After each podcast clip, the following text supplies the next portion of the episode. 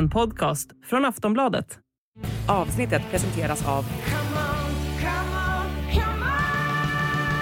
Stödvinnen.se, åldersgräns 18 år.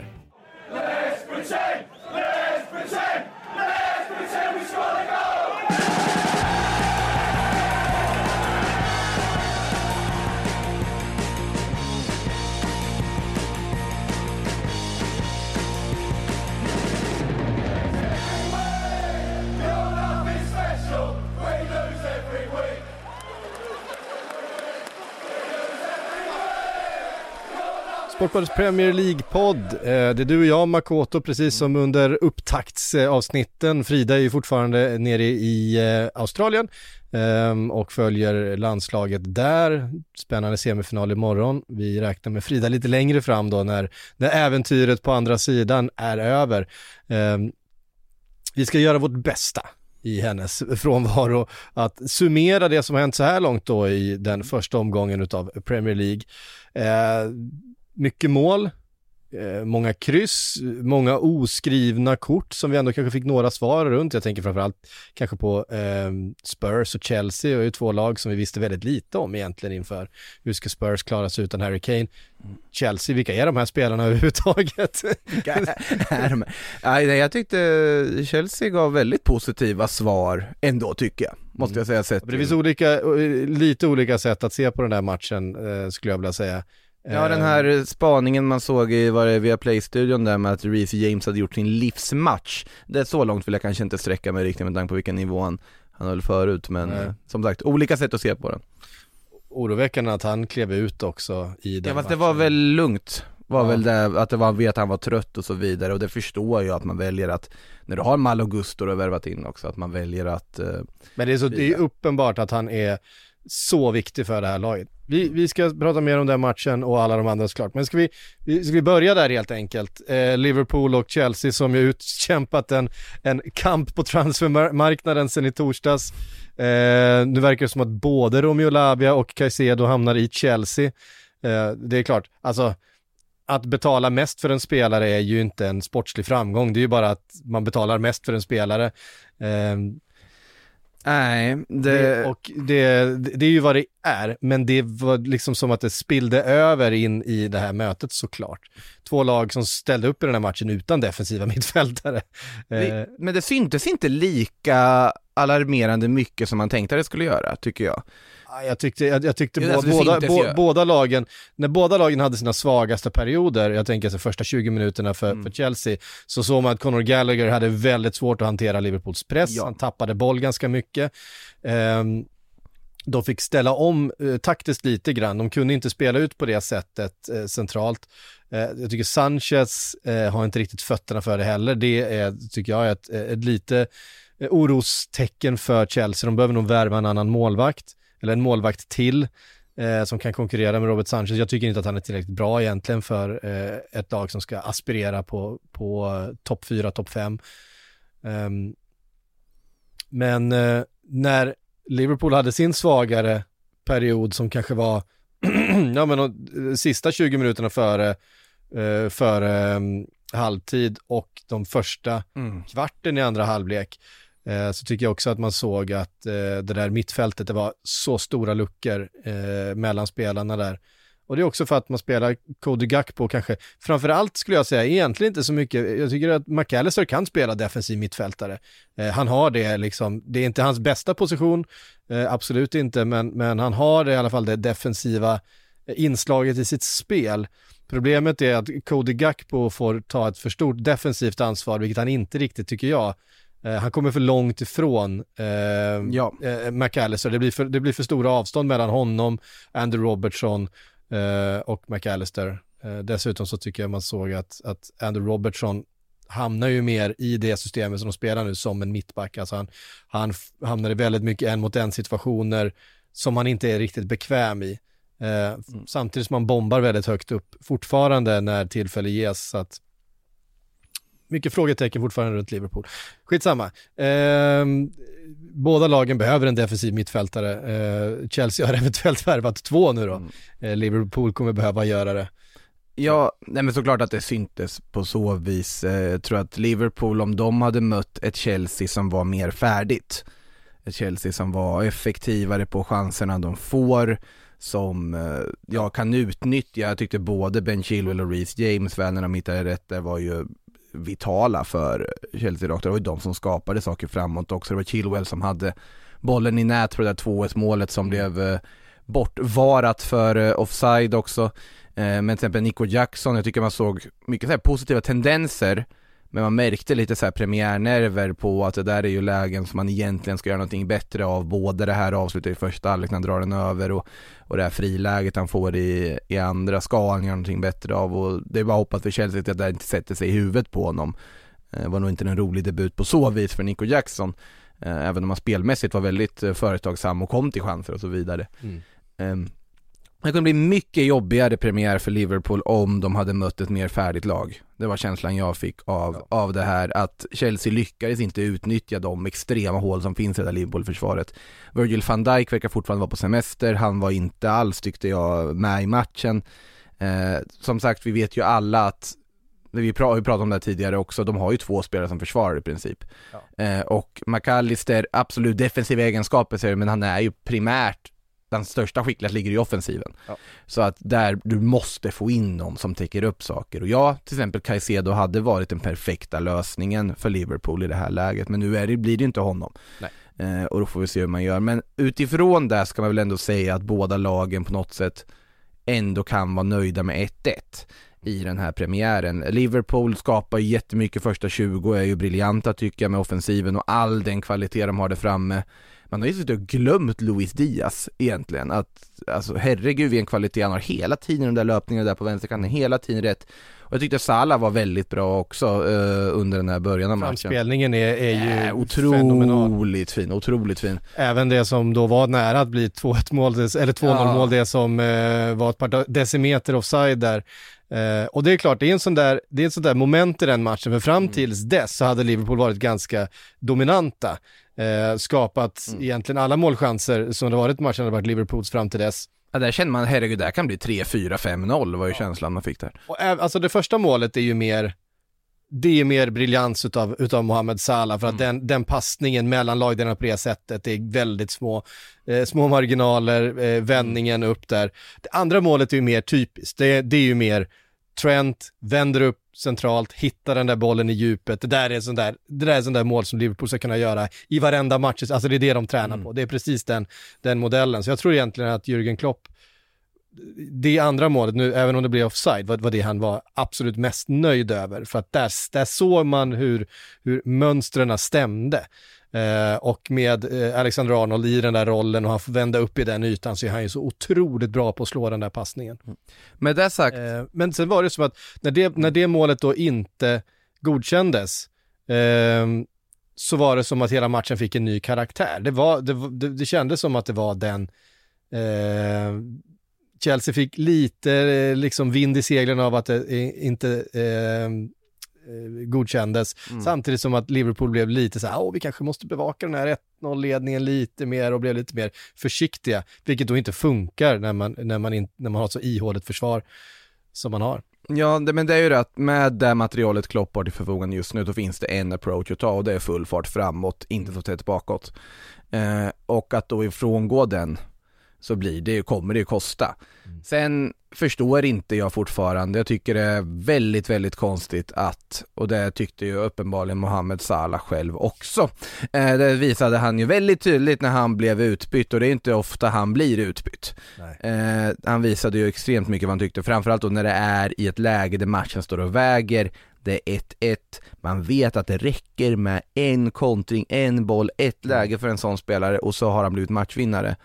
Eh, att ta ut honom i slutet då, eh, det förvånade mig väldigt mycket och eh, det känns, ja det var väldigt underligt beslut av uh, Jörgen Klopp tyckte jag att göra det. Jag förstod inte överhuvudtaget. Nej. Samtidigt fick man ju in Ben Doak va? Ben Doak måste ha, Ja, du sina, gillar ju minu- Ben Doak. måste ha sina minuter den här säsongen. Ja, men det, det är fortfarande, Nej, jag, jag, jag, förstår, jag förstår absolut vad du menar. Jag, jag tycker att Salah hade en ganska svag eh, andra halvlek. Eh, han kom inte rätt. De, ville väl ställa om lite eh, formationsmässigt eh, genom att göra så. Eh, jag är inte riktigt säker på exakt hur, hur Klopp tänkte, men normalt sett så tar han ju aldrig ut eh, Mohamed Salah. Han spelar ju varenda minut som, som finns. Mm. Um, men ja, Eh, så var det i alla fall. Sen tycker jag att en stor eh, del till, till att Chelsea tog tag i den här matchen efter de här första 20 minuterna och började dominera den och att man faktiskt eh, hade 65 procents bollinnehav. Det, det högsta bollinnehavet något lag har haft mot Liverpool i Premier League på de senaste fem åren. Alltså inte ens Manchester City har fått ihop 65 procents bollinnehav mot, mot Liverpool. Och den anledningen stavas ju Enzo Fernandes. Jag tycker han var eh, matchens bästa spelare. Hans, eh, hans blick, de här 30 meters bollarna hela tiden ut på kanten. Anledningen till att Reece James och Ben Chilwell var så effektiva var Enzo Fernandes eh, timing i sina bollvinster, att vinna eh, dueller, att hitta de ytorna och hela tiden slå de där bollarna ut på kanterna helt, med, med sån precision, helt perfekta bollar eh, hela tiden. Det kommer ju vara Chelseas framgångsrecept. Um, jag tyckte han var, var, var eh, riktigt, riktigt vass. Eh, så här bra tyckte jag, inte, tycker jag faktiskt inte att han var någonsin under förra säsongen när han, eh, i ett Chelsea som verkligen som ja, men det var hade väl, andra, var ju... andra problem. Enzo kom in i ett läge där eh, det var, bara var liksom Potter och eh, det fanns, eh, fanns ju ingenting som fungerade. Sen kom in en Frank Lampard som säkert aldrig hört talas om Enzo Fernandes. Ja. Så att det vart ju bara fel läge att komma in till den där våren är ju bara att dra ett streck över. Eh, det som är positivt för Chelseas del som sagt jag tycker att man ser väldigt goda tendenser. Ja, just det, han spelade ju aldrig under Nej, nej han kom ju i vintras. Ja, eh, så att, eh, men vad heter det, eh, och tänker också försvaret för absolut, eh, Colwill hade lite jobbigt med Salah i början men sen tycker jag att den trebackslinjen när Disasi och Colwill går in eh, gör sina debuter eller vad man ska säga, eh, gjorde det väldigt bra. Disasi gjorde ju målet dessutom också. Eh, när han stod rätt där i en rörig hörnsituation. Men nej, det finns mycket positivt att ta med sig för eh, Chelseas del inför fortsättningen skulle jag ju säga och nu när de får in lite mer stabilitet på det där mittfältet, ja, då kan det bli eh, väldigt, väldigt bra på sikt. Men då måste också Nico Jackson börja hitta målet. Sterling tyckte jag också var bra ska sägas. Eh, företagsam, pigg. Men känslan jag får är fortfarande att de behöver en säkrare alltså målskytt och topp än vad jag tror att Nico Jackson kommer vara för dem. Men det har jag varit inne på förut också sägs att de är på marknaden efter både en striker och en målvakt till och en efter, att ha, efter att ha spenderat otroligt mycket pengar redan. Uh, ja, alltså det... Fast de är väl typ plus minus noll på det här fönstret va? Ja, alltså, jag, eller någonting jag, jag, jag, jag, är faktiskt inte säker. Ja, vi låter det vara kanske den. Um, ja, många, många miljarder hit och många miljarder dit har det varit i alla fall, så mycket kan vi säga. Ja, verkligen. 1-1 blev det i alla fall. Eh, I slutändan eh, tror jag inte något av lagen är, är jätteupprörda över det. Eh, det fanns en handssituation som kunde blivit straff för Liverpool. Det fanns... Det är, väl, det är, väl, upplyftande att det där inte blir straff tycker jag. Att en ja. sån situation tycker, inte blir det är ju bara Jag, jag tycker generellt aldrig att, alltså jag tycker att det ska vara tydligt med flit med hand för att mm. det ska mm. vara hands överhuvudtaget. Men vi lämnar de situationerna därhän. Eh, vidare till en match som eh, vissa kanske hävdar är en topp, vad ska vi kalla det nu då, topp 8, topp 7, den mm. matchen mellan Newcastle och Aston Villa. Eh, Alexander Isak från start, det är mycket som hänger på hans axlar den här säsongen. Newcastle ska försöka upprepa sin succé eh, från förra säsongen och ta eh, en ny Champions League-plats. Man måste hänga kvar där uppe, samtidigt ska man ut i, i Europa Eh, och han tog den chansen. Ja, det kan man väl lugnt säga att han gjorde. Eh, ja, till att börja med det här andra målet han gör. Det, det här är ju det som jag tycker Alexander Isaks eh, nästan stora styrka också. Eh, sättet han får, får till sig bollen där, utnyttjar det här misstaget från Konsa, eller liksom en liten fotfel från Konsa, det utnyttjar han skoningslöst när han plockar den bollen. Men att i det läget sen bara så snabbt, blixtsnabbt bara uppfatta, var är jag, vart är motspelarna, vad är det här för situation och dra den chippen som han gör mm. in i det är så briljant gjort av honom och det säger så mycket om Alexander Isak som fotbollsspelare för han är så otroligt snabbtänkt. Mm. Han är otroligt snabbtänkt och tänker hela tiden utanför boxen, det är inte liksom i boxen han tänker så att säga. Eh, Ja, för det som, det, som, det som jag blev så glad över, det var faktiskt att bollarna gick i målet. För att Alexander Isak har haft lite den här tendensen under sin karriär, nere i Spanien och sen han kom till, eh, till Newcastle, att man har sett den här eh, briljansen, man, man, man ser att han, han löper mycket, han, han vinner mycket en mot en, eh, ehm, inte dueller utan när han, han ska ta sig förbi en mot en, eh, han är kreativ, han är snabb, men alltså att poängen kanske inte alltid eh, kommer ändå. Eh, det har bränts lite lägen, han har haft lite otur.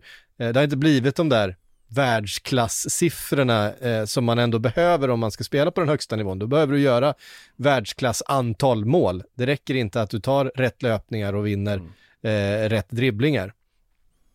Att han dels får göra det här briljanta eh, målet, den här chippen, men här, att han också får göra ett strikermål, att han får trycka in den där bollen, får vara först in på Ja. den ytan.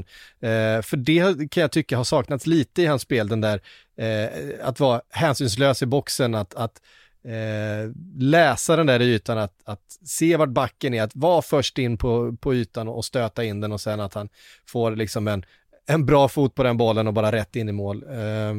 Eh, det var en riktigt fin eh, ligapremiär av, av Alexander Isak. Ja, vi ska komma ihåg, han gjorde ju 10 på 17 starter Mm. totalt 22 matcher förra säsongen, vilket ändå är helt godkända siffror. Absolut. Eh, nu så, min känsla inför säsongen är att han kommer ju att övertrumfa den siffran. Sen är jag överraskad, jag trodde inte att Newcastle skulle gå ut uh, all guns blazing på det här sättet mot Villa. Jag trodde det skulle kunna snarare bli en ganska svår, jobbig match för deras del. Eh, det blev det ju inte med facit i hand.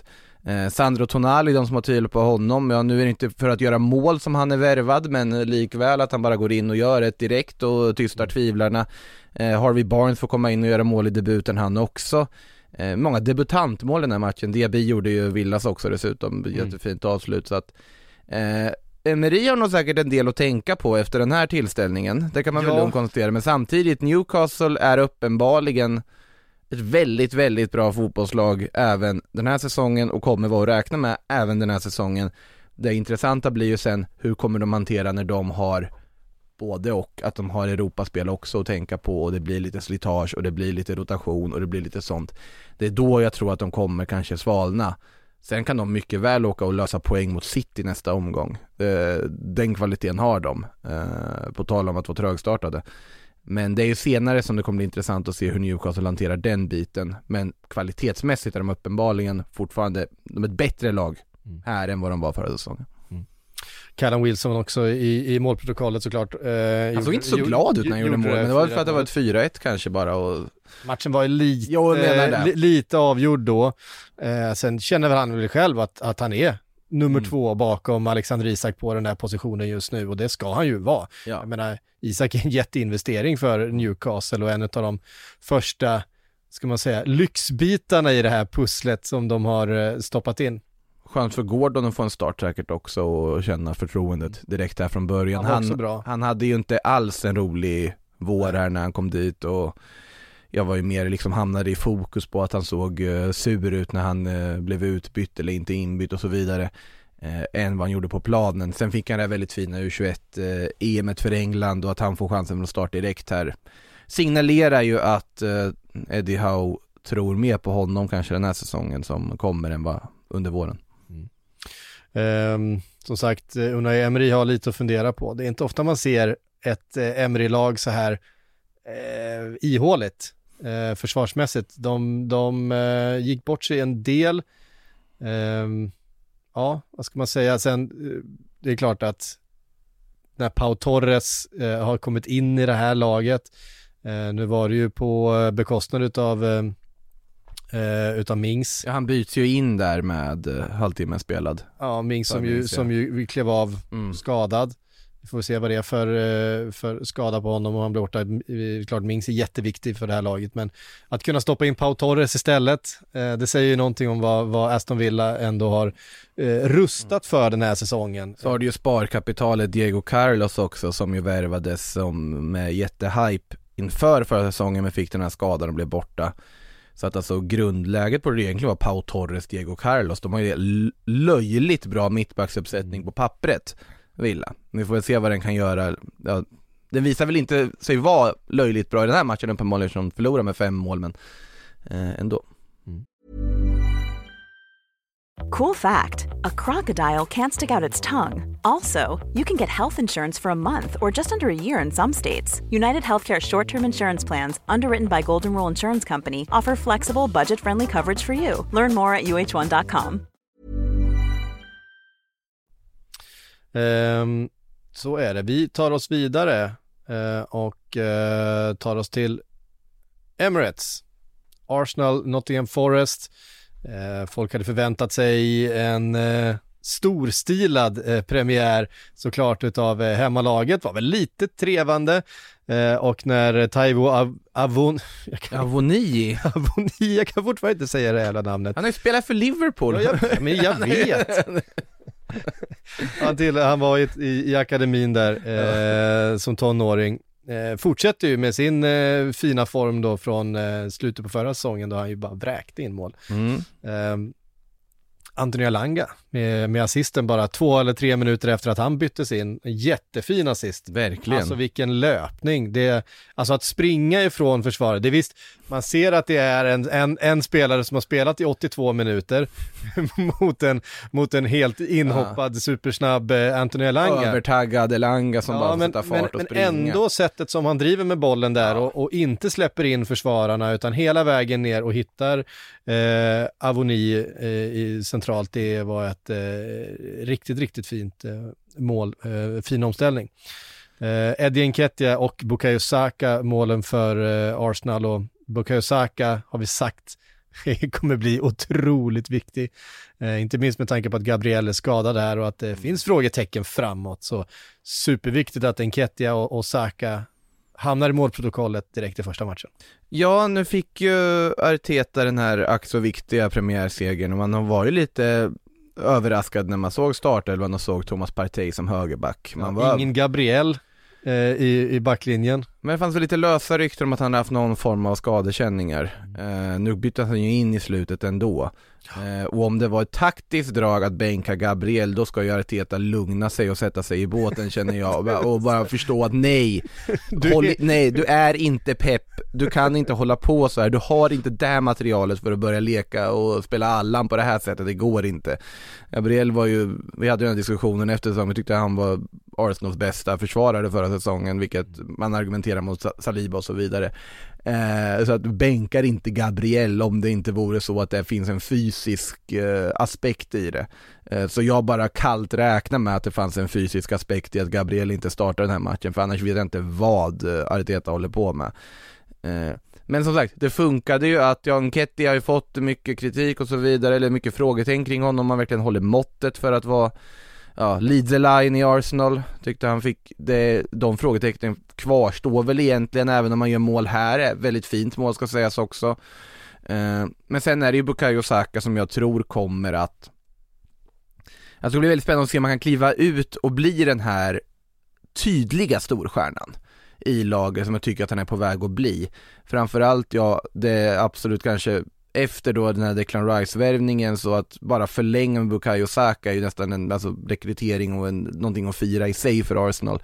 Eh, och Saka är väl säkert otroligt taggad på att ja, betala tillbaka för det här nya kontraktet och framförallt då kanske blir den här stora stjärnan, blir den som allting vilar på, blir den som avgör de tajta matcherna och det tror jag han är på väg att bli och det här målet som han gör skriker självförtroende, han bara tar bollen, bryter in och bara drar den i krysset. eh, som att han inte har gjort något annat förut. Så att nej, det är bra start för Arsenal på att de vann, sen såklart att det blir lite väl nervöst i slutet när Forrest ändå får en reducering. Det hade kunnat vara ganska jobbigt för Arsenal att tappa 2-0 ledning mot Forrest hemma i premiären. Då hade det nog eh, varit många som varit fundersamma, framförallt kanske över Artetas eh, taktiska drag. Ja. Declan Rice, eh, inte längre, ja han är dyraste engelsman. Fortfarande, han är inte längre eh, Premier Leagues eh, Ja, dyraste, ändå- dyraste spelare, för det har Moises Caicedo eh, blivit. Äh, han är inte klar än. Nej, det, han lär väl bli det och även oavsett vart Caicedo hamnar så kommer han ju bli den dyraste nu så att det är ju Ja. Ja, eh, det är en annan historia Eh, lite oroväckande med Jurien Timber måste väl säga att han fick gå av skada, det. det, var ju jättetråkigt. Eh, såklart jag blir glad att se Tomiasu få speltid men det är ju inte det som är prio här utan hoppas att Timber kommer tillbaka snart också för det som sagt en väldigt bra värvning Arsenal har gjort där som kommer bli väldigt nyttig för dem. Och intressant som sagt att han används där i vänsterbacksrollen. Ska bli inte så lätt för Sinchenko att ta tillbaka den där platsen tror jag när han kommer tillbaks. Nej. Um, är intressant att, de, att han spelar honom där också. Uh, han kan ju spelas nästan på vilken position som helst mm. i backlinjen. Uh, jättenyttig spelare. Får mm. hoppas att, att han inte blir borta allt för länge då. Ja, nej, nej men det är som sagt, de har ju många alternativ, det har de. Sen så måste nog Arteta lugna sig lite och inte leka allt för mycket kanske med eh, formationerna. Men så länge det funkar så kan man inte säga så mycket. Nej, och ett mittfält då med eh, Ödegård, eh, Kai Havertz och Declan Rice. Det är klart att det är ganska stor skillnad från hur man spelade förra säsongen då med Partey och Granit Xhaka. Det är olika spelartyper och det kommer säkert ta lite tid för de här att, att hitta varandra telepatiskt så som de kommer behöva göra.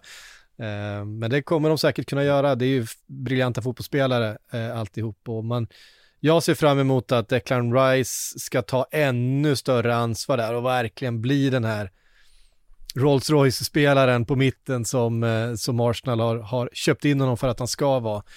Eh, jag tycker han kan ta ännu större plats och kontrollera matchbilden ännu mer än man gjorde det här. Ja, det, det är väl det som är frågan, för här känns det som att han mer används för att lappa ihop saker. Att han täcker vissa ytor, tar det viktiga defensiva ansvaret eh, som de behöver när de ställer upp på det här sättet de gör. Så nej, vi får se om man kan bli växa i den rollen också, så att säga, eller man bara blir en ihoplappare, jag vet inte om det är ett ord, men mm. vi fattar. Um... Skönt med tre poäng hur som helst, lite arbetsro. Eh, det blev det inte för Tottenham. Ett av lagen vi hade ganska stora frågetecken runt, har tapp, tappade Harry Kane bara dagen före eh, premiären i stort sett, eh, stack till Bayern München. Vi har vetat det ett tag att det var på gång. Eh, någonstans i, i torsdags eh, blev det väl bekräftat att han, att han skulle flytta.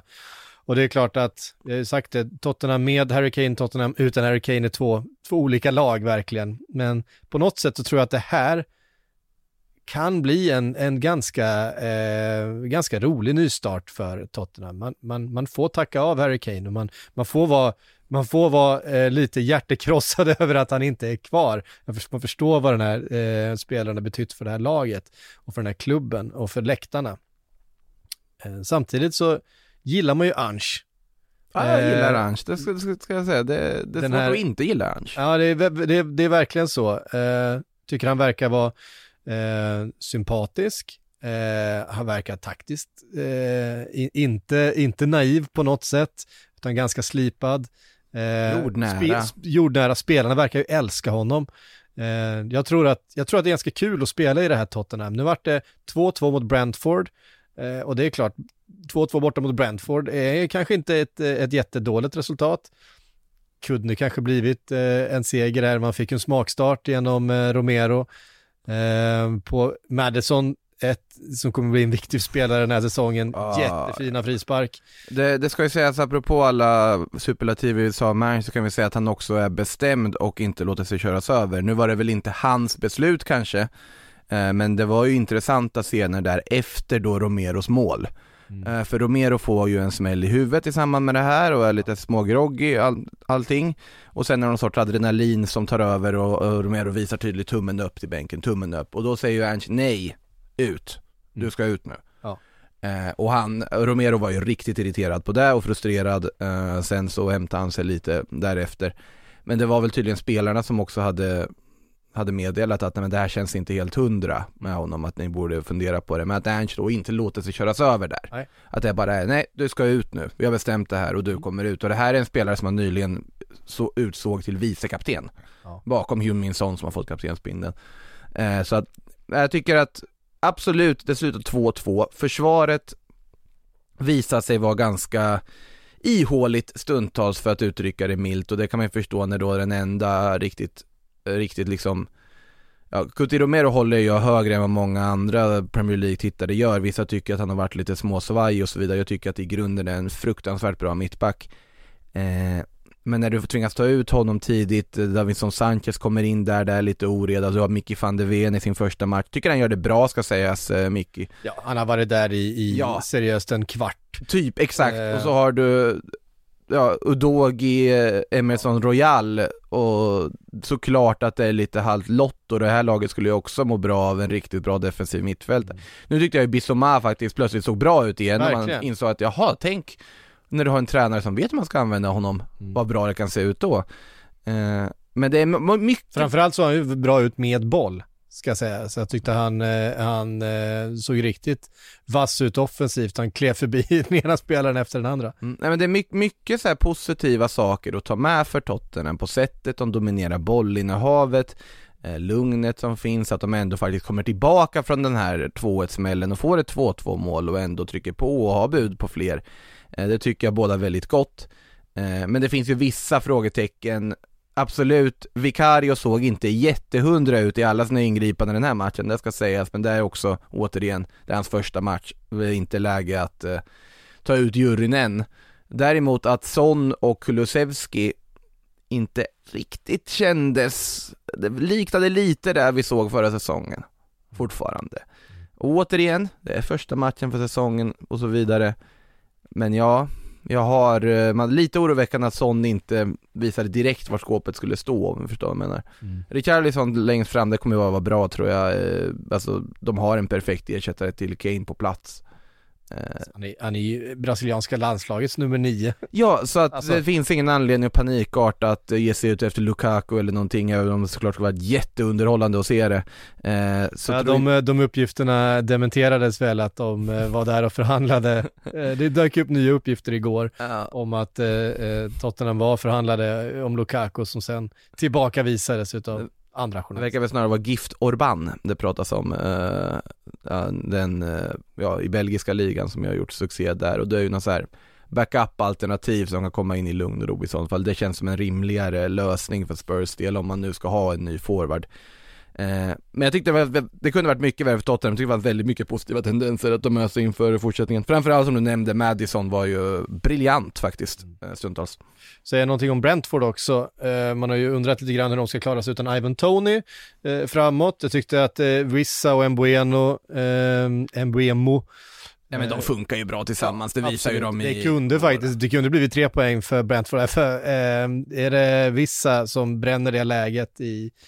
Mbeumo har ju det här superläget. Mbuemo som, som bränner det läget på slutet, han skjuter över eller utanför. Ja, han är helt ren. Det är ju det jag menar med att Spurs-försvaret, även om de har väldigt snabba spelare där bak, det kan ju se otroligt ihåligt ut om de hamnar i fel läge. Den löpningen från Rico Henry när han bara stormar fram, eh, slår in det perfekta in... Rico Henry tyckte jag var väldigt bra i den här matchen ska jag säga också. Eh, strålande inspelet, Mbeumo ska bara sätta dit den, över. Eh, men nej, Brentford såg bra ut. Kan man väl också lägga till, även om de inte hade, fick låna bollen så mycket så tycker jag att det fanns som sagt, positivt att ta med sig för dem också. Så man undrar ju, man känner ju lite grann så här, eh, nästa, nästa storlag och sparka en tränare så måste ju Thomas Frank eh, Ligga bra till. li, li, ligga hyfsat bra till. Eh, Fast han har väl sagt nej till saker också han eller? har sagt nej till jättemycket. Alltså, Han har sagt nej till jättemånga saker. Ja, ja, ja. Han, har, han har tackat nej till, till eh, erbjudanden från, men det har inte varit de största klubbarna. Eh, det har inte varit ett, jag ska säga, ett Liverpool som eh, till slut sparkar Klopp mitt under säsongen här. Det har inte varit, eh, det har inte varit den typen av eh, klubbar, vilket eh, skulle kunna, eh, ja, just Liverpool tror jag inte, men, men säg, Chelsea är väl det, det klassiska sättet som Ja, de men har då- så- sparkar sina tränare. Ja, Chelsea värvar Frank och ska de, vilka spelare ska de värva från Brentford då? De Mbeumo givetvis och så tar de väl uh, Jensen också. nej, nej det kan väl inte bli de- den, eh, det har jag svårt att se kanske. Ja. Nej, jag menar bara att han har ju verkligen, verkligen visat att han är en, en kvalitetstränare, Thomas Frank. Ja, ja. han har allting, han har det taktiska, han har eh, man management, jag tycker att han för sig väldigt bra. Mm. Eh, Med det sagt eh, så tror jag, goda kontakter i Danmark. jag tror, nu, nu tyckte jag Brentford såg bra ut som sagt men jag har ju hela tiden haft känslan att någon gång kommer det ta slut det här liksom Brentford eh, med vinden som har funnits. Och min känsla är att antingen så fortsätter den med vinden eller så kommer de förr eller senare att liksom nå vägs ände med Frank. Men min spådom inför den här säsongen är ju att Frank kommer inte träna Brentford när den här säsongen är slut. Om det har att göra med att han ryker på att de måste plötsligt, att de får panik när det går dåligt eller om det har att göra med att de fortsätter gå så pass bra att en annan klubb plockar honom. Det ska låtas vara osagt, men jag tror inte han kommer vara kvar i Brentford efter den säsongen. Vi får se om jag får rätt. Eh, vi tar oss tillbaka till fredagen. Eh, Manchester City hälsade Burnley välkomna till Premier League. Erling hälsade Burnley välkomna Ja. till Premier League. Eh, Alltså det är, det är helt sjukt, han ser trött ut på försäsongen och, commu- och Community Shield skiter han uppenbarligen fullständigt i. det är ju hela City uppenbarligen. Han, han, var, han, var ju, han var ju kass mot Liverpool förra året, gick in och bara, eh, bara öste direkt efter. Han var eh, trubbig mot Arsenal i år och så går han in och det tar honom ungefär nio minuter, sen ser han där och så bara smäller det och framförallt avslutet till andra målet. Alltså att stå i boxen eh, med ryggen mot mål, bollen kommer rullande och det är bara så här, det, det finns inget att göra, det är bara skicka in en ribba in med den här vänsterfoten. Eh, även första målet när han bara trycker sig fram han är så stor och stark och snabb och han får foten på och man vet att den går alltid på mål. Den går alltid på mål, bolljäveln. Eh, han är otrolig alltså. Han är- Han är, han är, han är, han är otrolig. Han är en, redan nu var han 23 och det är en av de bästa, det är en av de bästa anfallarna vi har sett någonsin. Eh, jag, jag, jag vill hävda det för att han är, han är så skicklig avslutare och han är så svår att ta hand om. Det är verkligen, det är verkligen bara skador som kan stoppa Erling Braut från att, från att klättra allra högst upp i den där anfalls, eh, alltså hierarkin genom tiderna. Jag tror det. Det, det är också så här att det har ju varit mycket snack inför uh, den här säsongen om att jag har Haaland börjat tappa fokus på att han är ute och, och festar och skaffar nya sidenpyjamaser och träffar olika kändisar här och var. Nej det tror jag inte, jag tror snarare att han bygger också en sak utanför planen. Han bygger en status och, och synlighet utanför planen, han bygger ett varumärke, han håller på att bli en franchise-spelare. Han håller på att bli liksom en reklampelare på ett annat sätt som jag också tror du nästan behöver idag i den här fotbollen för att han klassas i de där högsta kategorierna. Att få de här stora priserna ska det ju vara en stor stjärna. Och Håland, ja han visar ju alla som har tvivlat på att han har eh, skött sig under försäsongen, eh, ja de fick ju Ja, fick ju, vad ska man säga, bita det sura äpplet där efter typ tre minuter av den här premiären. Eh, nog eh, med att räkna med även den här säsongen. Sen var det lite intressant där i pausen tyckte jag när Haaland var rasande på Bernardo Silva när inte den här långa bollen hade slagits precis innan pausen. Ja. Eh, helt eh, skogstokig och då blir ju Pep skogstokig på Haaland i sin tur. Eh, så där skriker du inte till en lagkamrat. Eh, vad håller du på med? Vi spelar ju tillsammans, eller jag minns inte vad det var exakt han sa och vad som framgick men eh, Ja och sen så Men man ser, man ser på hela kroppsspråket att Erling är hungrig alltså.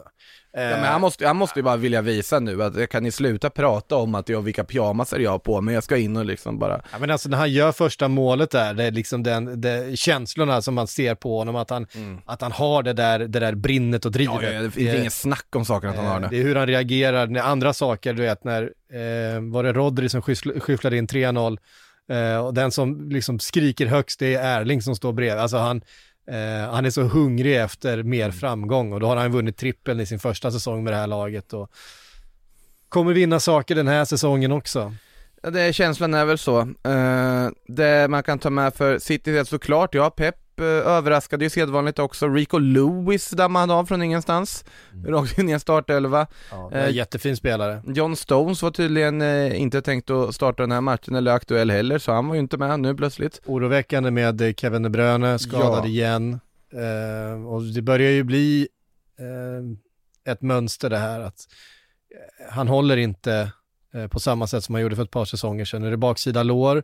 Ja, det kommer ta några veckor. Ehm, kommer antagligen matchas långsamt tillbaks kan man tänka sig. Eh, I ett annat lag med en spelare utav Kevin De Bruynes status så är ju risken att han hade stressats tillbaks lite för snabbt. I Manchester Citys fall, i det här skedet på säsongen så tror jag att man kan ta det ganska lugnt. Eh, det finns så gott, alltså så, så mycket täckning och eh, du har inte de här mest avgörande matcherna i Champions League eller i slutet på säsongen eh, då du chansar. Men jag börjar dock urskilja någon form av eh, polemik och konflikt här som finns någonstans. Alltså det De Bruyne sa inför den här matchen när han säger jag är förvånad att jag fick starta. Eh, den signalen som han skickar där och sen ut efter en kvart och så vidare. Eh, det finns också att Pep är ju skicklig men han är ju också när det kommer till vilket lag som ska vara bäst på plan så är han ju cynisk. Eh, att han ser att De Bruyne inte håller och går sönder hela tiden. De jagar Lucas Paquetá just nu samtidigt. Gör de. Jag ser ett scenario där relationen De Bruyne-Pep Guardiola kan, eh, kan, få, eh, kan bli problem där. Eh, för jag är inte, jag är, alltså, jag skulle inte bli förvånad om vi har ett läge där De Bruyne, man kanske tänker, han, han vill bygga system som inte har De Bruyne som inkluderat i det. Men han måste ju på något sätt eh, börja, Han kan bänka en frisk De Bruyne. det kan, ja det definitivt. Och det tror jag han kommer göra den här säsongen. Men han måste ju på något Jag tror sätt, inte det kommer gå hem väl hos De Bruyne. nej men så här, Kevin De Bruyne eh, är 32 år gammal. Ja, Eh, det Klopp- glömmer man lätt. Klopp måste börja, eller Klopp, Pep måste, måste börja bygga Ja. För ett Manchester City utan Kevin De Bruyne. Därför att den här, alltså droppen kommer förr eller senare. Men jag tror att det här sker den här säsongen nu, Ja, att han börjar det bygga det. Det är inte alls eh, omöjligt att det här är Kevin De Bruynes sista säsong i den rollen. Eh, det- ja, det kanske det här skiftet redan, redan sker. Eh, Och Sen går han säkert in och är helt briljant i vår ändå, så får vi ta tillbaka det. det, Eller, är klart han kommer, det, är klart, det, är, det är klart att han kommer se ut som världens bästa fotbollsspelare i, i stunder och i matcher och Ja. i perioder. Eh, det, det råder ingen tvekan om. Han är helt, helt eh, sensationellt bra. Eh, men han är lite upp och ner. Eh, och han har som sagt tappat lite utav sin, sin, eh, mm. sitt frånskjut eh, framförallt. Tidigare så var han ju alltid eh, sådär överraskande kvick. Att han kunde trampa ifrån en spelare också, eh, vilket man aldrig förväntade sig. Plötsligt så, så hade han gjort det med. Det gör han ju sällan eh, nu för tiden faktiskt. Sen så den där passningsfoten han har och blicken för spelet och, Ja, och, och allt det där, den fina tekniken han har, den är ju, den är ju fortfarande intakt. Men, men det är klart att Manchester City behöver eh, bygga för ett lag utan Kevin De Bruyne i, i framtiden. om, om Phil Foden hade fått till sitt skott, hade det varit det snyggaste målet någonsin i Premier League? Alltså, alltså, men alltså den där klackmottagningen han gör, Ja. När han gör någon sorts piruett mitt i och tar, är, är helt, det går ju inte att göra det där. Han, har så, han, har, han, har- han, har- han, har- han är så, han har, han har så fin, alltså han har så mycket boll i sig. Ja, men det eh, där Phil Foden, är, att är det där från en annan planet hela den aktionen, sen att det inte blir mål, det är det som gör att det bara blir en Mm. liksom highlight som dyker upp i Egentligen giffar ett ganska bra försvarsspel som hindrar honom. Det är ju det, det är väldigt bra Ja. försvarsspel. Eh, Man ska säga något om Burnley också där, Väl, på tal om att eh, City överraskade med elvan så måste man ju säga att Burnley gjorde det också. Eh, ingen eh, Josh Brownhill från start. Eh, Det har jag all respekt för. Jag, har, jag tycker Brownhill är överskattad som sagt. England, Englands ini- Championships Iniesta var han förra säsongen. Eh, Brun Larsen också så här, som, det var mycket så här superung elva till att börja med, det var så här, snittålder på 23. Eh, och många nya namn man inte hade koll på. Eh, det är ju inte mot City man ska bedöma hur det här kommer gå framöver, det är ju andra matcher som kommer såklart och det blir viktigt att få för Burnley att komma igång. Att de har ett väldigt jobbigt spelschema i början också ska sägas.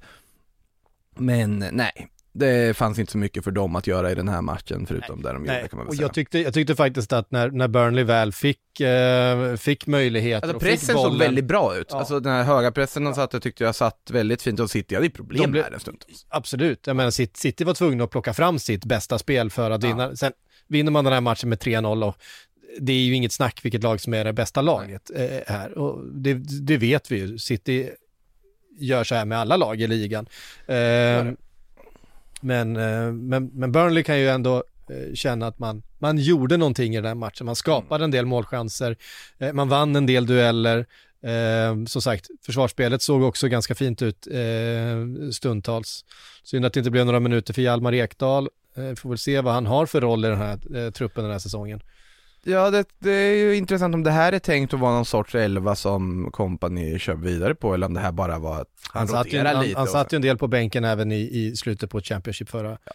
Och dessutom var ju det här en trebackslinje då, så att jag vet inte, det kan ju vara så att han Måste också komma ihåg, vem är, var kompani gått under en stor del av sin karriär?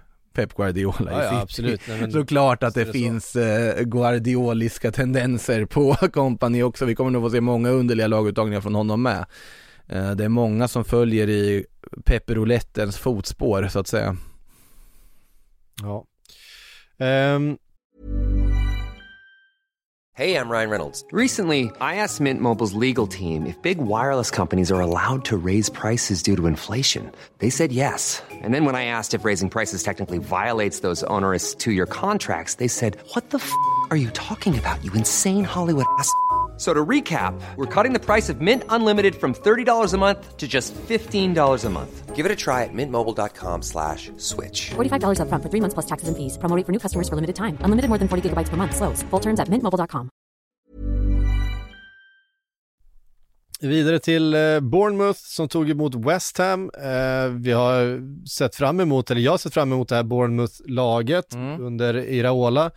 Eh, inte riktigt vetat eh, vilken spelstil eh, han skulle föredra. Vad känner du efter att ha sett Iraola Bournemouth första gången då? Eh, jag tyckte att eh, det, så det blev ju tydligt, West Ham gör 1-0. Det tycker jag är en ganska jämn match Mm. eh, fram till dess. Eh, jättefint mål av, av eh, Jared Bowen. Mm. Han är bra alltså. Jag, alltså, jag är, är så förtjust i Bowen. Sen att han har haft lite skadeproblem eh, och att han kanske är, gör lite för få mål ändå, trots allt. Men, men det här målet var jättefint. Eh, men på slutet, när Dominic Solanke gör 1-1 så känns det inte på något sätt orättvist och det är ju Bournemouth som jagar segermålet. Det är ju inget snack att det är de som går för Mm. och West Ham eh, har inte jättemycket att sätta emot på slutet. Det blir 1-1 eh, och jag tror i slutändan faktiskt att West Ham är mer nöjda än, än, än Bournemouth eh, med det resultatet. Ja, och eh, det är väl en så här, ändå rimlig okej okej start för båda de här lagen att spela 1-1. Du har inte förlorat premiären. Eh, bara där så har du ju någonting. Absolut, såklart att en vinst är ett drömscenario, en premiär. Men för Bournemouths del, jag är jättespänd också på det här laget med. Nu är det ju ganska många nyförvärv som inte har kommit in i det än heller. Eh, Dango Atara helt utanför truppen med någon skada. Traoré spelade inte ens överhuvudtaget. Klövert med sent in och Per. Eh, till exempel, och jag tror inte att de är färdiga med sin sommarshopping än. Eh, men till exempel Max Aarons rakt in i startelvan. Eh, intressant försvar där med Sabarni, Senesi i mittlåset, ganska fint. Och sen eh, också som har värvat från eh, värvat in till vänsterbacken där så att eh, det är ett ungt, spännande, intressant lag. Och jag tror att Bournemouth kommer att vara en positiv överraskning den här säsongen. Sen så vart det inte kanske den där eh, otroliga premiären för eh, Iraolas gäng. Men eh, Nej, alltså det jag kanske hade förväntat mig lite mer av Bournemouth är ännu lite mer offensivt, liksom eh, eh, offensiv intensitet är väl det jag har fått, fått lära mig av Iraola under den här sommaren. Jag har inte någon koll på honom från, Mm. från Spanien så som du har. Eh, men det är väl att han är en extremt offensiv eh, tränare. Eh, som jag Ja, han, är, han är inte dumdistrigt offensiv, viktigt att poängtera. Det är, det är ju liksom en smart tränare, det är en slipad tränare. Eh, det är en tränare som bara har tränat underdog ska vi också komma ihåg. Det är inte som att Rayo gick ut och bara det var- det är inte som Edward Coudet fotboll där du bara liksom skickar upp allt och bara hoppas på det bästa. Det är inte sånt utan han har en tanke med allting han gör. Det är ändå organiserat på så vis och han får ut mycket av små medel. Det är väl det man kan säga. Och sen är det, det som är roligt med, med Bournemouth också, det är att Philip Billing är där och han är, han är, han, han är, så, han är så avig på något sätt. Han ser inte ut som att han är en fotbollsspelare på den här nivån. Men han lyckas med så mycket grejer, han är så svår att möta. Alltså, han vinner dueller, han är i båda boxarna, alltså han är defensivt jätteviktig på eh, på fasta situationer, eh, men även i övrigt, alltså defensivt, han, han, han krigar och springer och sen är han ju ett hot offensivt. Eh, alltså det, det, det, jag tycker om att se Filip Billing eh, spela fotboll för att det är på något sätt, han borde inte, han Kunna. borde inte lyckas med så mycket grejer som han gör. Nå, någon man var glad att se var ju eh, Brooks här också, som startar och jag tror att han kommer få en ganska viktig roll, gjorde ju ganska flera mål under försäsongen också. Kanske kan bli vad Isi Palazon var för uh, Iraola i Rayo, kanske kan bli eh, Brooks i uh, Bournemouth. Det hade varit väldigt fint för Brooks i sånt fall. Ja, men Brooks har ju lite, lite den här spetskvaliteten i fötterna kanske som, Mm. eh, som i övrigt saknas. Som Isi Palazon har tänkte du va? Ja, som Isi Palazon, exakt så tänkte jag. Ehm, Gjorde ju Men mål ganska- i premiären för övrigt också för Rayo. Ja. Du ser. Och sen Dominik Solanke i målprotokollet, precis som Mm. Bournemouth behöver att han ska vara. Ja, Ehm, var bra under förra säsongen, eh, men man har ju ännu större för, förhoppningar såklart efter den där monstersäsongen han gjorde i Championship innan dess, när han gjorde nästan 30 mål. Eh, Mm. bara, eh, man, han hamnade lite i skuggan bara för att Mitrovic gjorde typ 2000 mål. ja. Ehm, men eh, Men Solanke han gör ju har- också assist, det är han gör ju mycket poäng, han är liksom nyttig på många olika sätt. Eh, så att det blir intressant att se vad han får för slut. Mm, man, vill ju att, man vill ju att en sån tränare som Iraola ska få ut mycket av en spelare som, eh, som eh, Dominik Solanke. Mm. Han har ju lite de där, han är stor, han är stark, han är snabb, han går i djupet, han är bra i boxen, eh, han, han är fin på huvudet, alltså han, han är väldigt komplett eh, forward på det sättet. Sen ett fint inhopp utav Antoine, Antoine Semenyo, som ju är den som ligger bakom. Nu är det visserligen ingen, ingen tänkt framspelning utan det är ett misslyckat skott. Men, men han visar också att han, han har den där, eh, den där tekniska eh, kvaliteten. Det märktes att det, det kom in mer kreativitet och sen han kom in i den här matchen så tycker jag att eh, West Ham får faktiskt eh, mest koncentrera sig på att försvara. Eh, West Ham behöver en striker, så mycket kan vi komma överens om. Jag tycker väl inte att eh, Antonio, hur mycket man än gillar Antonio eh, och Ings riktigt håller för West Hams ambitioner. Eh, men det, det, de är ju ute efter en också, sen får vi se vad det, vad det landar i i slutändan. Eh, nu ska de ha in Ward Prowse, det är ingen, det är ingen striker. Men å andra sidan, eh, för ett lag som West Ham, alltså just det så här, David Moyes, du får ju in ah, kanske världens bästa, världens bästa tillslag på liggande boll. Eh, det, kan, det kan resultera i ganska många poäng för ett lag som West Ham. Eh, du har jätteduktiga huvudspelare i Zuzek, i Antonio.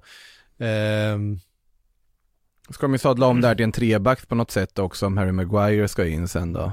Så får vi se hur det det där är också ett offensivt hot på, på fasta situationer. Verkligen, verkligen. Men det, det är väl ett tag kvar tills den kan bli aktuell vad det verkar just nu. Och så är det ju Paketa-situationen som såklart ligger där och eh, Ja, han spelar ju hela den här matchen eh, och, och eh, han byttes ut sen, sent om sidor där i. ja, precis i slutet va. Ja. Ehm, och ehm, nej, han, eh, han, han har ju, han har ju en, en kvalitet eh, och en, en höjd i sig som ingen annan spelare i det här West Ham har. Kanske, ja men, med, med, eh, ja, tillsammans med eh, Jared Bowen kanske. Men, men eh, Paketa är liksom ännu ett, eh, sen får han ju inte ut det i det här laget, i den här miljön. Han får Mm. ju ägna sig åt eh, mycket mer försvarsspel än, än eh, vad han egentligen skulle eh, önska tror jag. Ja, och eh, som sagt det finns en anledning till att han är värderad till över en miljard. Ja, och att Manchester City Vi vill in är redo att lägga över en miljard på honom. Ja, vi får se vad det, vad, vad det där landar i. Jag tror att de kommer få honom till slut ja. West Ham höll på att åka ur förra säsongen, säljer två av de, de spelarna för en miljard styck. Välkommen till Premier League-marknaden eh, där eh, Ja, ja, utbud och efterfrågan, jag vet inte vad man ska kalla det. det utbud och efterfrågan är väl det som höjde Casedo-priset i alla fall. Det- Det, är väl känslan. Det är väl en, en, eh, en fin segway då till Brighton-Luton. Eh, Brighton som eh, fortsätter sälja spelare för rekordsummor. Briljanta. nu ska ju Chelsea eventuellt då låna ut Kukureya till Newcastle. Eh, en, en värvning de gjorde förra sommaren för extremt mycket pengar. Han kommer ju vara kanon där. Han kommer ju vara kanon där. Jag Eh, gillar ju Marco Cureya, jag gör ju det. Eh, Ja, men det var Brighton som i, i början då kanske hade lite svårt att, att bryta igenom. Kauro Mittoma fortsatte dribbla. Alltså, det var en dribbling han gjorde där som var helt, helt magisk. En tvåfotare som var så snabb. Alltså han har så kvicka fötter ibland, eh, Mittoma, att Ja. det, är, det, det är svårt att hänga med alltså. mm. Ehm, sen inga poäng för honom, vilket, eh, jo en, en assist fick han. Ehm, han kunde ha fått lite mer poäng tycker jag, eh, som har honom i fantasy. men, eh, Andra satt och var glada att se Joao Pedro kliva fram för att ta straff tror jag. Eh, inte jag, men jag tror andra som spelar fantasy var. ja. Ja men i slutändan, det var lite ställningskrig i första, Luton krigade på bra, bjöd inte på speciellt mycket ytor, i andra så orkade de inte stå upp. Det vart liksom att Brighton bestämdes för, hörni, vi är bättre än de här. Om vi bara, om vi bara, om vi bara gör det vi ska så kommer vi vinna den här matchen ganska enkelt och det, och det gjorde man ju. Ja, eh, det rinner ifrån där i slutet också eh, såklart med lite yngre spelare som kommer in och gör mål. Eh, ska helt ärligt här alltså, helt ärligt säga att Simon Adingra, det var ett nytt namn för mig i alla fall, men nu har han gjort mål ja. också. Givetvis en kille, och det här är väl någon som jag måste prata om i den här podden nu när Dennis Undav inte finns. För han gjorde ju ändå 11 mål i Union Saint-Gillois förra säsongen. den eh, Adingra som har kommit in då, nya anfallare. Mm. Eh, betydligt många färre än vad Dennis Undav gjorde i uh, Union Saint-Gillois, det ska sägas. Men uh, såklart, nu har han öppnat målkontot redan här. Mm. Uh, så han ska väl också in i den här ekvationen på något vänster då. Ferguson kom in också, fick göra mål, säkert skönt för honom, många ögon på honom efter all hype som varit kring, kring den supertalangen. Mm. Uh, James Milner från start. Högerback, ja. gjorde sitt jobb. ja, van Häcke rakt in i en startelva i mitten. Nej, de, de har det är helt sjukt att Danny Welbeck ändå startar här. Alltså med tanke på all, allt material som finns så att säga. Mm. Eh, men ja, Brighton, återigen det är lite samma som med Newcastle där, att jag, det blir intressant att se hur det kommer gå när de måste börja rotera för att de ska spela i Europa. Det har de aldrig gjort förut. Eh, och det blir något helt nytt för dem. Men att Mittomas såg ut som... Var en duktig tränare eh, som kommer få ut mycket av den truppen som finns tror jag. Ja, ja. Eh, utan tvekan. Men att eh, Mittoma såg ut som man gjorde förra säsongen, att eh, Perivis Stupinian såg ut som man gjorde förra säsongen, att Solly Marsh är mål. Ja, det är ändå ett ganska bra Brighton den här säsongen också. Ja, det, det, tror jag också. Men några nya namn att lära känna. Ja, och de kommer funka hur bra som helst och så kommer det dyka upp en ny defensiv mittfältare där någon gång som, eh, de, du vill snacka om att de ska kliva in på Tyler Adams nu då. Det kan man också ifrågasätta lite hur Chelsea hanterade Tyler Adams-situationen Eh, kommer överens med Leeds, han är där på läkarundersökning, ska skriva på kontraktet och då plötsligt så kommer Chelsea på, nej vet du vad, vi måste nog lägga de här pengarna på. Så det var bara tillbaks till Leeds. Och nu eh, ryktas det om att Brighton ska ha in honom som ersättare då till eh, Caicedo när han försvinner. Jag gissar på att de kommer försöka värva Simon Adingra om ett halvår istället. eh, Everton Fulham. Everton hade inte sin bästa säsong förra säsongen. Eh, allt tyder väl på att det kommer bli en säsong ungefär i samma.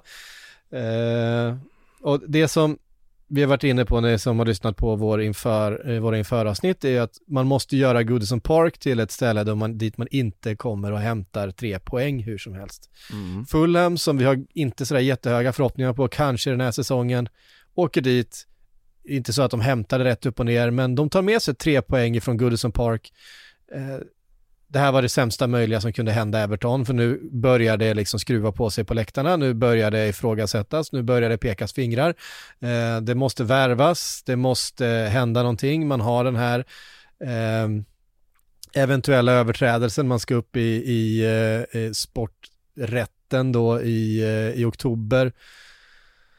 Man hade behövt ha ett, minst ett kryss med sig härifrån och visa att eh, vi kan göra någonting den här säsongen.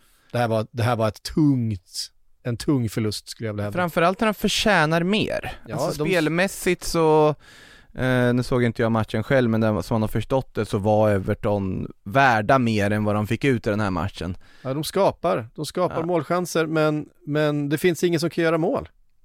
Ja, Neil Mopay från start. Han kan inte göra mål. Eh, och Danjuma som kommer in sent där och det säger väl också en del att de bara gör två byten trots att de förlorar 0-1 att fanns inte så mycket att laborera med på bänken heller för att försöka ändra den här matchbilden till deras fördel. Eh, Nej, men det är ju det här, eh, alltså vad är det, det är några minuter in i, i den här matchen så är de, de är alltså tre mot en i en omställning. Ducoré kommer igenom i mitten, han får löpa helt fritt. Eh, eh, eh, Leno gör en superräddning. Mm. Och det är liksom så det blir. Eh, Leno var ju strålande i den här matchen också och räddar i princip allt. Alltså ja. 19-9 i skott i Everton, 9-2 i skott på mål. Mm. Eh, absolut, de har bara 40% bollinnehav men de skapar ju saker från när de väl, väl gör någonting och då måste man ju få utdelning på det här också. Mm. Eh, och jag håller med dig om att de, det här var inte någon start som Everton nog vill ha på säsongen att trots att de skapar så mycket, för det kommer inte de göra i varje match, det ska vi konstatera. Eh, att de inte får med sig någonting alls. Nej, jag tittar på, tittar på highlightsen samtidigt som vi pratar och konstaterar att Neil Mopé lyckades bränna två stycken helt öppna frilägen inom loppet av några minuter där i första halvlek. Eh, det, det, är som att det, han, det är som att det vilar en förbannelse över honom. Han, han, han, kan inte få in bollen i mål helt enkelt. Han tar sig till de här lägena. Eh, och som det blir då, eh, Cordobarid, Cordobarid eh, sätter den där bollen, alltså man gör inte sina, sätter inte sina målchanser man har i första. Istället så trillar det in ett i, eh, i andra. Jag tyckte Jiménez faktiskt såg... Eh, Nyttig ut. Ja, men eh, han har ju ett jättefint avslut där som går i stolpen. Eh, det såg riktigt vasst ut. Mm. Eh, sen så har jag bara sett den här, den här matchen i klumpar i perioder. Ja, det blir intressant nu. Nu verkar det som att uh, Al-Hilal funderar på att uh, börja jaga Mitrovic igen. Det är ju också en situation. Nu kommer ju Mitrovic in här i den här matchen och han vill inte göra så mycket utöver det, men nej, det blir också intressant att följa. Jag tror inte kanske Raúl Jiménez kommer hålla på sikt för Fulham.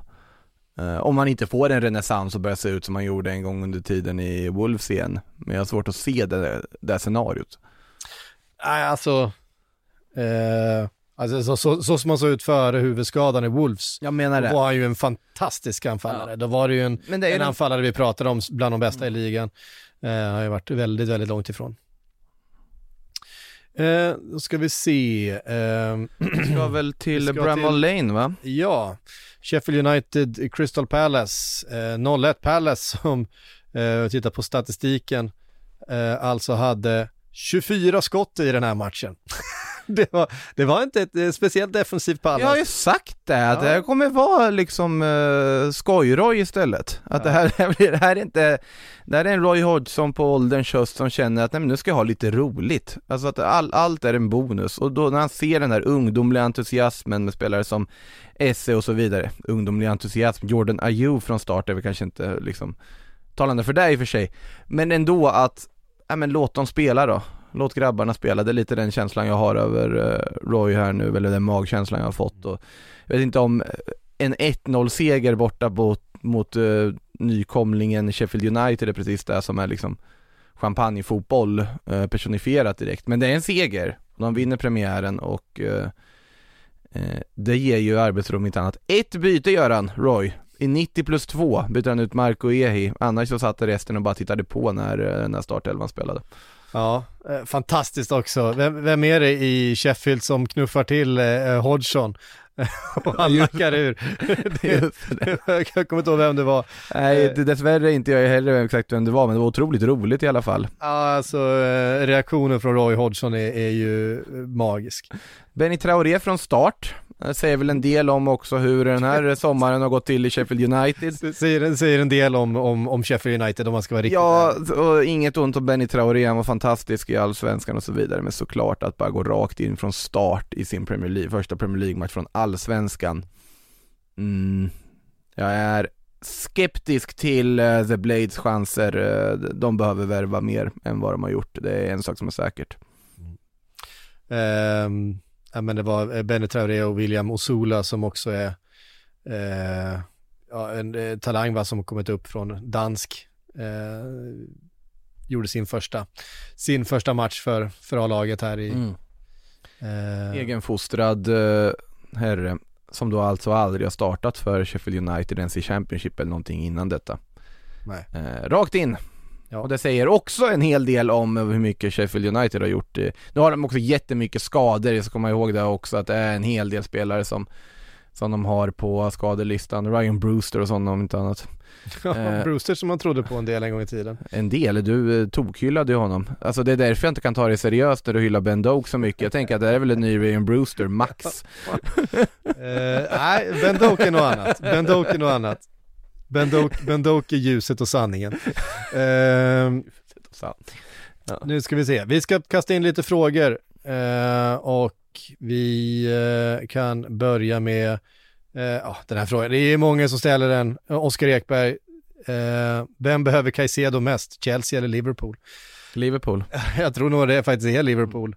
Eh, om man ska vara riktigt ärlig. Eh, båda lagen behöver, behöver en, en defensiv mittfältare och Caicedo är den bästa tillgängliga. Så att det, ja, det är väl 50-50. Men eh, så här, Liverpool blir en, eh, en utmanare med, med Caicedo. Det tror jag inte Chelsea är. Eh, de har för mycket annat att eh, spela ihop. Det är ett för nykomponerat lag. Det, ja. alltså, Liverpool har delar på plats på ett sätt som, som Chelsea inte har. Men det finns ett stort, stort hål precis just där. Ehm, sen så behöver vi inte fundera på det eftersom det kommer bli Chelsea. Ja men alltså det kanske kommer en vändning till, vem vet? Det har ju inte det har ju inte, liksom, det har ju inte varit en liksom spikrak väg till Chelsea han har gått direkt. Nej. Eh, inte direkt. Eh, Oskar undrar, hur många mål gör Isak i år tror ni? Jag tror att han kommer göra fler än Zlatan gjorde under sin säsong i United när han var som bäst och det var väl typ 17. 18? Mm. Mm. Eh, jag tror att det kommer bli ganska många mål för Isak. Tänk nu att förra säsongen hade han ju de här skadebekymren också ett tag. Kom inte riktigt igång lite in och ut i startelvan stundtals. Nu om man får en hel säsong ordentligt och spelar då tror jag att det kan bli ganska mycket mål. Så mitt tips, eh, om jag får tippa, är att han hamnar på runt 18-19 kanske. Mm. Är Zlatans eh, 17 mål eller vad det blir, är det det bästa som någon har gjort i Premier League som svensk? Det måste det väl vara va? Eh, Jag har svårt att se, Elmander hade ingen säsong då han eh, stack iväg på det sättet va? inte på den nivån så mycket väl. Eh, Eh, han hade ju någon, någon säsong han gjorde rätt mycket men inte så många. Det kanske blev 10-12 eh, som mest va? Ja, alltså inte så många på en säsong gjorde han ju absolut Nej. inte. Alltså han gjorde tio som mest på en säsong, Elmander. Ja, jag menar det. Eh, jag tyckte, jag tänker på Albeck, nej, det, han gjorde aldrig så många heller. Nej, Uh, Ljungberg, om han hade en riktigt offensivt vass säsong, gjorde inte heller så många Nej han mål. hade inte riktigt den rollen ju. Nej. Han gjorde väl också typ sådär en 8-9 kanske någon eh, Om du, om du räknar in det Scottish Premier League så har du givetvis Henke Larssons eh, gjorde- Celtic målskörd men det, det ska vi inte göra i det här sammanhanget. Eh, då var han ju uppe där, vad gjorde han? 42 mål en säsong. minst. Eh, helt sjukt. Nej, nej, jag tror också att eh, Alexander Isak har möjlighet. Jag tror att han faktiskt skulle kunna göra 20 mål den här säsongen. Ja, ja, det tror jag Eh, också. om, eh, om Newcastle fortsätter att, eh, att leverera, alltså det där mittfältet med eh, Tonali, Bruno Guimaraes, eh, det har ju potential att, eh, att skapa en del åt en sån spelare som eh, Alexander Isak. Ja, eh, onekligen och de kommer som sagt se bättre ut i år om han får spela i sin centrala roll. Eh, han, såklart att hans poängproduktion blev lidande av att han flyttades ut på kanten med eh, Callum Wilson centralt. Eh, nu tror jag att han kommer att spela centralt. Och det kommer ju hjälpa honom att göra fler mål. Sen ska vi inte kanske sträcka oss så långt så kommer göra fler än Erling Braut Haaland eller något sånt där. Så långt ska vi kanske inte gå men jag tror att han kommer att eh, göra väldigt mycket mål den säsongen, det tror jag. Mm. Ehm, Lars Andersson uh, säger, vilka ligger sämst till i år? Wolves eller Everton? Uh, och är det så säkert som alla experter säger att Luton och Sheffield United åker ur den här säsongen? Uh, alltså, sett, sett, till, sett till trupp så är Luton och Sheffield United ganska långt efter de andra. Sen behöver inte det betyda att man inte får ihop tillräckligt mycket poäng för att, för att rädda ett nytt kontrakt. Det har vi sett förut lag lyckas med. Vi, vi har suttit i kör och tippat ut Brentford när de skulle upp också. Vi har suttit i kör och tippat ut andra lag när de gick upp och man känner att det här kommer aldrig någonsin gå. Bournemouth förra säsongen till exempel. Bournemouth förra säsongen är ett bra exempel. Eh, bra exempel på det. Så att såklart att saker kan hända. Sheffield United har ju varit där uppe förr. De har en grund och en stabilitet och om de får in lite rätt värvningar och sånt där såklart att de, de kan få ihop en trupp som skulle kunna gneta sig till ett nytt kontrakt. Såklart att Luton, bollen är rund, såklart att de teoretiskt sett skulle kunna förlänga sin Premier League-vistelse med ett år till. Inte mer än det, men ett år till. Men på pappret här och nu så Luton är väl de jag är mest övertygad om kommer ryka, att det här kommer, det finns väl inte på kartan att det här gänget ska kunna, kunna lösa det. Eh, Sheffield United ganska nära tvåa dock sett till vad de har för material på plats just nu. Eh, sen på grundfrågan Everton eller Wolves. Eh, vi ska väl se vad Wolves hittar på mot United i, ikväll och vad. Gary O'Neill kan hitta på. Jag är ju väldigt skeptisk till Gary O'Neill som Ja, tränare i det här läget. Väldigt skeptisk, även om jag var väldigt positiv till det han gjorde med eh, Bournemouth förra säsongen. Ja. Eh, så att jag skulle säga att Wolves sitter väl knepigt till, men också att säga jag tycker att Wolves material de har är extremt mycket bättre än det materialet som Everton har. Mm. Men det, det kan man eh, argumentera åt både ena och andra hållet, men jag tycker att Wolves material är klart bättre än vad det är. Everton sitter, Adama Traoré till Fulham kanske vi ska nämna, det kan vi nämna imorgon Anna. Det kan vi nämna imorgon, det är Sillypodd imorgon. Ja. Eh, Vi kan ju svara på det här, det här är väl också lite Silly-relaterat såklart. Eh, reptilfanatiken undrar, hur fungerar det med utköpsklausuler i andra delar av Europa, eh, även mindre ligor och andra delar av världen? Vad bestämmer värdet på summan på dem? I Spanien är det väl mer eller mindre obligatoriskt med utköpsklausuler och där är vissa skyhöga. Ja, i Spanien så måste du ha en utköpsklausul. Det har inte alla kontrakt i England. Det har inte alla, absolut inte. Det finns, Mm. men, men i Spanien är, står det, i eh, alltså, Mm. där, där är det eh, lagligt tvunget att finnas en, en utköpsklausul. Så, Därav, så, så, ja. så då sätter man en jättehög för att den ska tas ur spel egentligen. Det var det som hände med Neymar. Man tyckte att man hade satt en så hög utköpsklausul att den Exakt. kommer ingen betala. Så kom PSG och sa att vi betalar den. Eh, och då kunde inte Barcelona göra någonting fast man eh, inte alls var intresserad av att sälja Neymar. Sen, sen har vi också lärt oss att det finns något som heter privata utköpsklausuler i Spanien under den här sommaren med Osman Dembélé, men det är en helt annan diskussion för ett annat forum. Ja, och det är väl Eh. egentligen bara Spanien som har de obligatoriska utköpsklausulerna vad jag vet. Mm. Eh, Alltså- sen finns det ju många som förhandlar sig till utköpsklausuler. Det, det är ganska vanligt för de här, alltså i lag som eh, Leipzig och Dortmund som kanske inte betalar de största övergångssummorna, eh, kan betala ganska bra lön, Mm. men, men en lever ganska mycket på att vara ett mellansteg för många spelare. Det är inte för alla spelare, men för Leipzig att värva, eller för Dortmund när de värvade Erin Braut Haaland till exempel, när det fanns ett sånt stort intresse. För Haaland själv var ett, ett rimligt steg att ta, men det fanns desperata klubbar som ville betala massa pengar för en, en, en striker. Så för att inte låsa sig då i Dortmund säga, men då kan Dor- Dortmund säga, men vi betalar det, här får du en bra lön, du får en given startplats och du får en utköpsklausul som inte är omöjlig för någon att lösa om en säsong eller två. Eh, Ja. Vi har sett eh, Red Bull-koncernen jobba mycket med det. Eh, vi såg nu Do- Dominic Szoboszlai eh, till exempel, eh, som Liverpool värvade.